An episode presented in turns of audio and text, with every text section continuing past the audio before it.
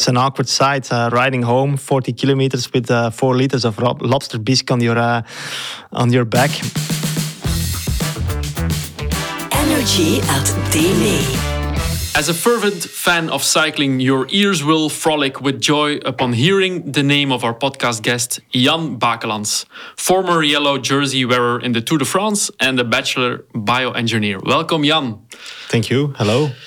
Uh, I don't know uh, if many people know that you're uh, a bachelor bioengineer. Is there a link with your cycling career? I started at the age of 15. Um, I rolled into it. I started doing my first uh, competitions and directly uh, set some good results. And yeah, this was the the stepping stone to um, getting more involved in it, to mm-hmm. train harder, uh, to invest more in it.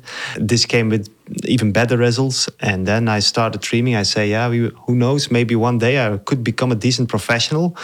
And then, yeah, in the under 19 category, the junior category, um, this is already a stepping stone, really close to the pro category. I felt in the first year I could directly win some uh, important uh, club classics uh, between the different clubs, cycling clubs. So yeah, I felt uh, I was on the good way. Um, I think uh, I can say you're not coming really from a cycling family, so you you had to teach yourself a lot of stuff. How how did that go, and where did you get your expertise from? Trial and error. Um, not always easy. It would have been easier for me to make it as a cyclist with parents who have a cycling background who can prevent you from making the mistakes, uh, the clothing mistakes in the beginning that were pretty fundamental. Uh, yeah, really logical things. But if you don't have the cycling background that you do wrong, uh, the fueling uh, in the race, when to eat, what to eat, the race tactics. I had to discover all myself.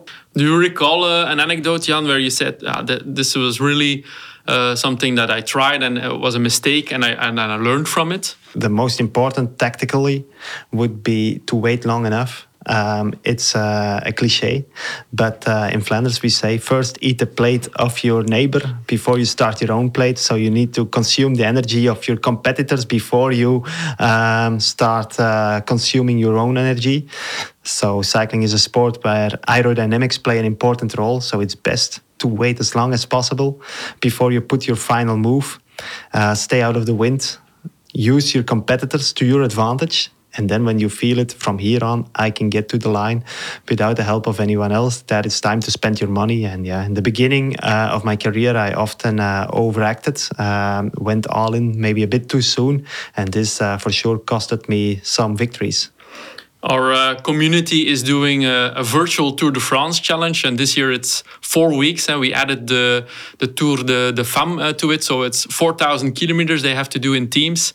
Um, could you already give some tips because uh, it's going to be in July on on what to what to be aware of? It's going to be uh, warm conditions. Uh, what what tips and tricks would you give them?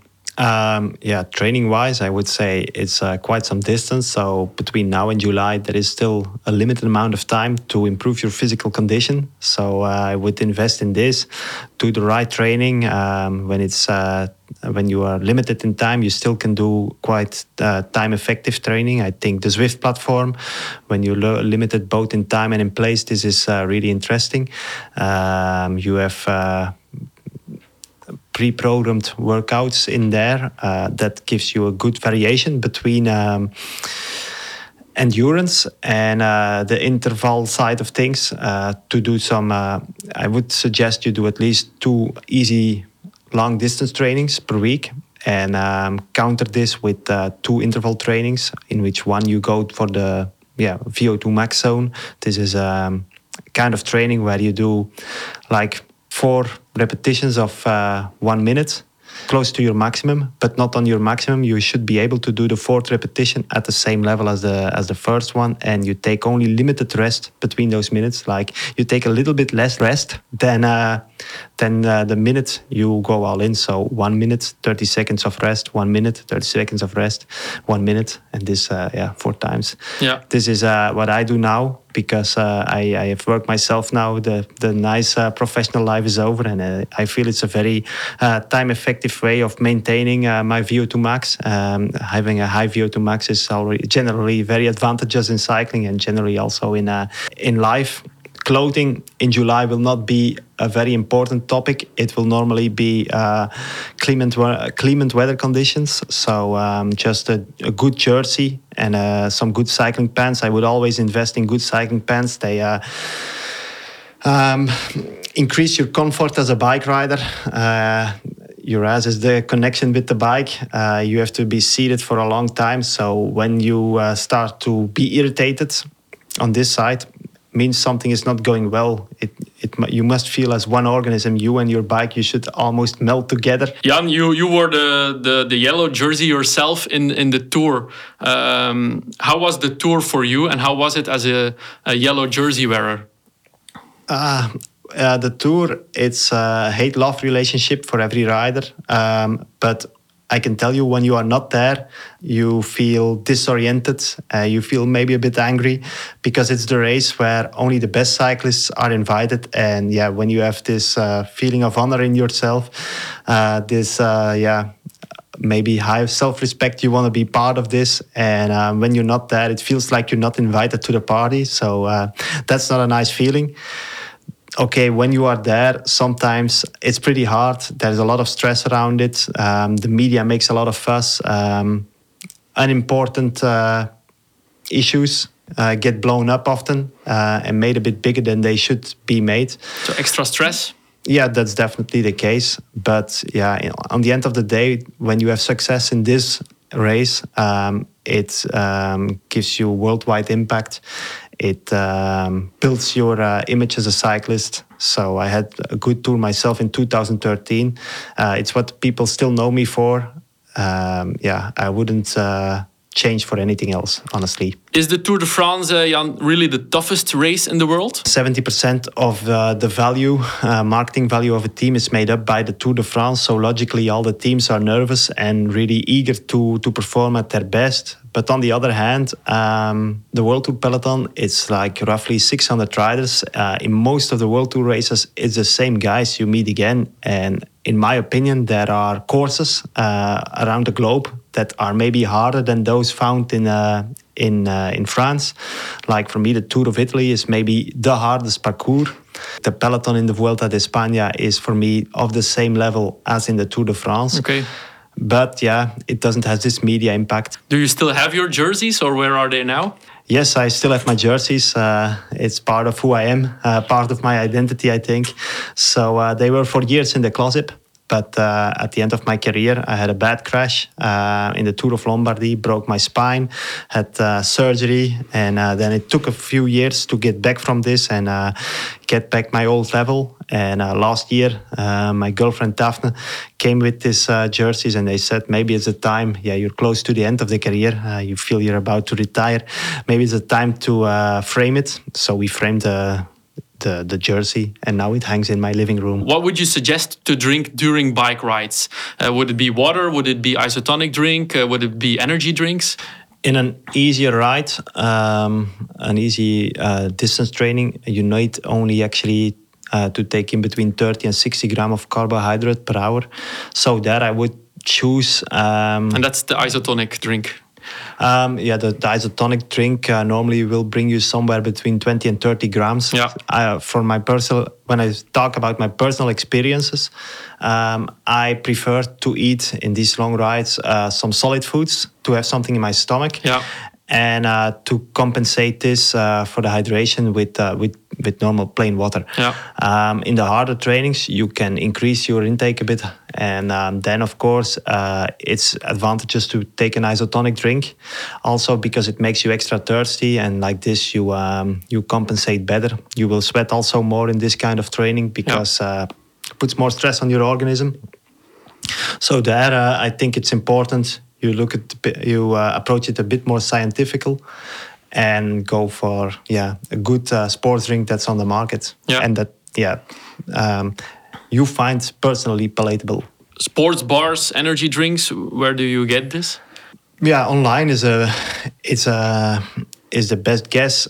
It's a big market so it's very competitive. This is actually very good for the consumer. There are so many different tastes, so many different approaches, um, so many different products. So you can shop around and select what works best for you.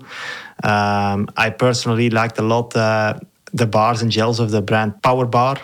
I liked a lot um, some taste of the 6D isotonic drink of uh, science and sport as well.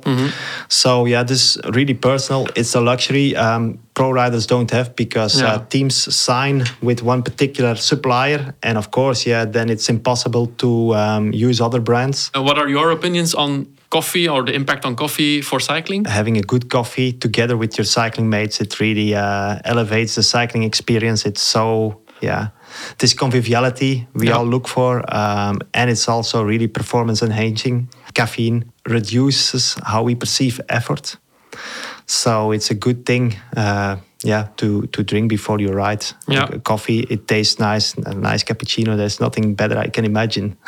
And if you're really not a coffee fan, yes, they they exist. Uh, is, is tea a good alternative? tea is the same.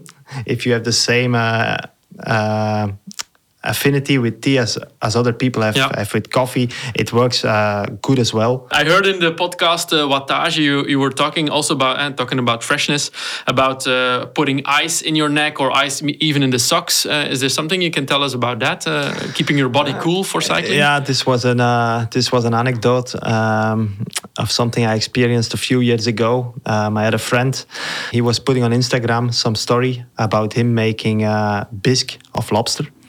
Um, I like to eat lobster bisque is uh, is something good, so I said I complimented him with uh, with the result, and he said, "You want some?" And I said, "Yes, I like some." It was plain winter. Um, it was the day before uh, New Year's Eve, so I said it would be a nice bonus for my evening meal tomorrow if we have uh, lobster bisque. so I wrote to him, and he um, he had packed it in this uh, vacuum bags and then frozen it. But then there was, of course, um, the problem of how to get this home. so I tackled this problem like cyclists uh, tackle the problem of bringing uh, bottles for their teammates from the team car to the front of the peloton. I put this uh, lobster bisque on my back, but it was uh, plain winter. So quite cold. There was no risk uh, the lobster bisque would melt, but still, yeah, it's uh, it's an awkward sight uh, riding home 40 kilometers with uh, four liters of lobster bisque on your on your back but it's actually a similar strategy we use um, in in summer when it's effectively really hot, like when we do the Giro. The Giro maybe not so, but especially the Vuelta and uh, the Tour de France.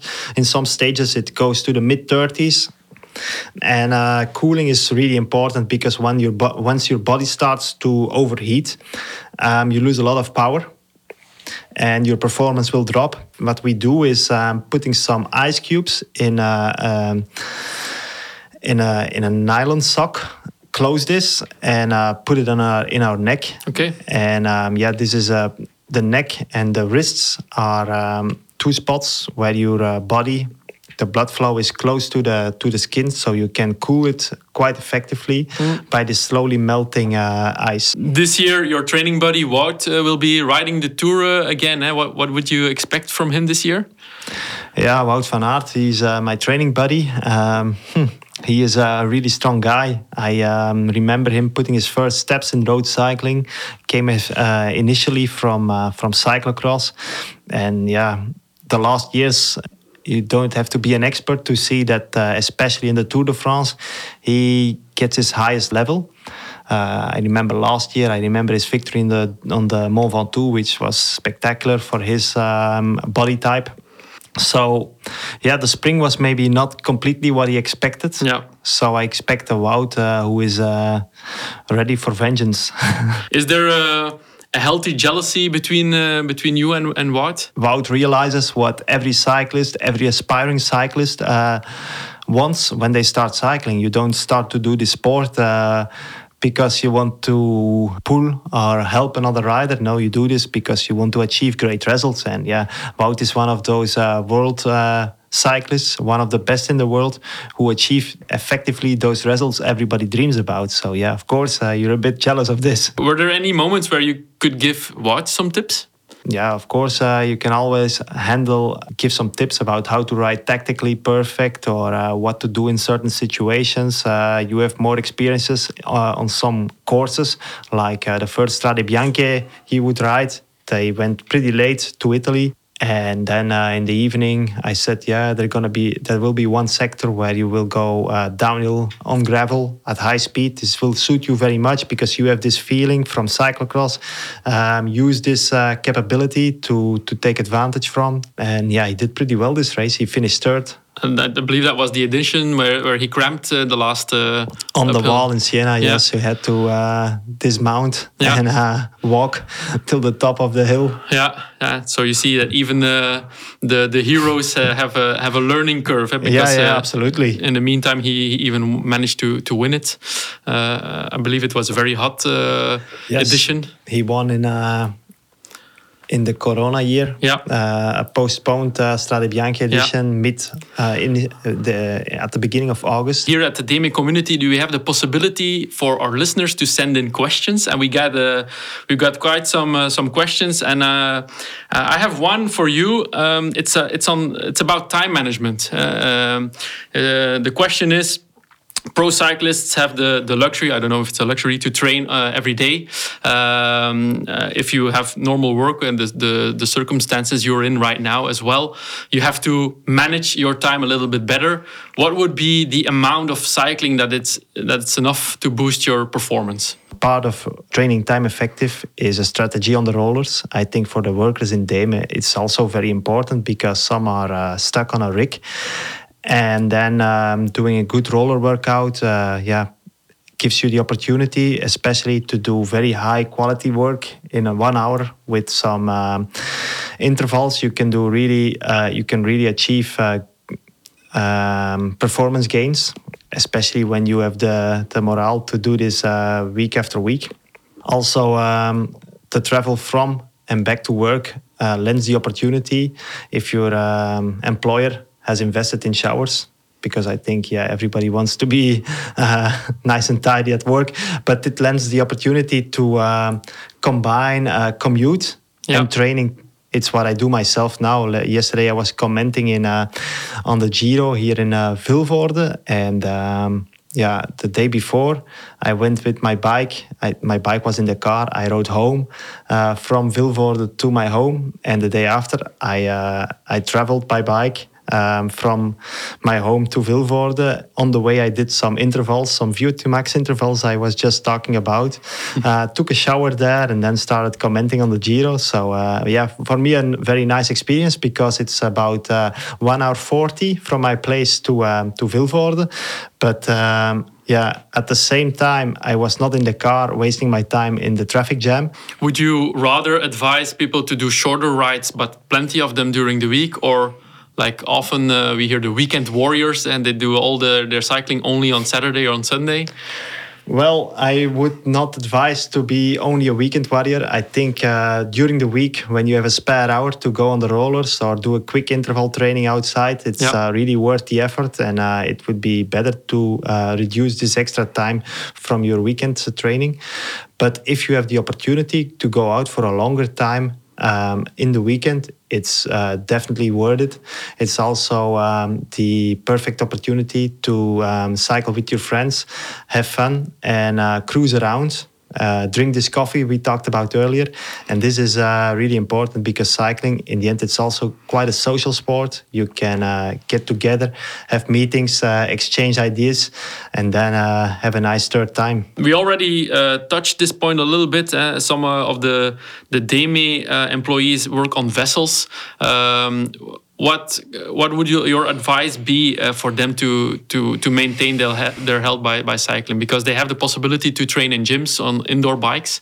Well, I think uh, the indoor bike is a perfect uh, mean to uh, to improve your physical uh, condition, um, especially when you have the uh, you have access to Zwift. I Yeah. think it really adds a layer on your training. Yeah, it's a virtual software, eh, Zwift. Yeah. it's uh, yeah a bit of a metaverse avant la lettre. Yeah. I think this gives me an idea of where we could, in the end, be going because I see this uh, in five years. I see myself doing this with a VR uh, goggle on my head. Yeah. So um, yeah, And your daughter's throwing water at you. yeah, yeah, yeah, yeah. but uh, this works really well. Um, there, uh, the training is really structured, but you can also opt for a free ride. So to um, to maintain your basic condition, this gives you the opportunity to uh, touch every point uh, that's important in training, like basic endurance or more structured interval training. You train on Zwift as well, Jan? I'm on Zwift, yeah, I like it a lot. Thanks a lot for your wonderful uh, tips, uh, uh, Jan. I think uh,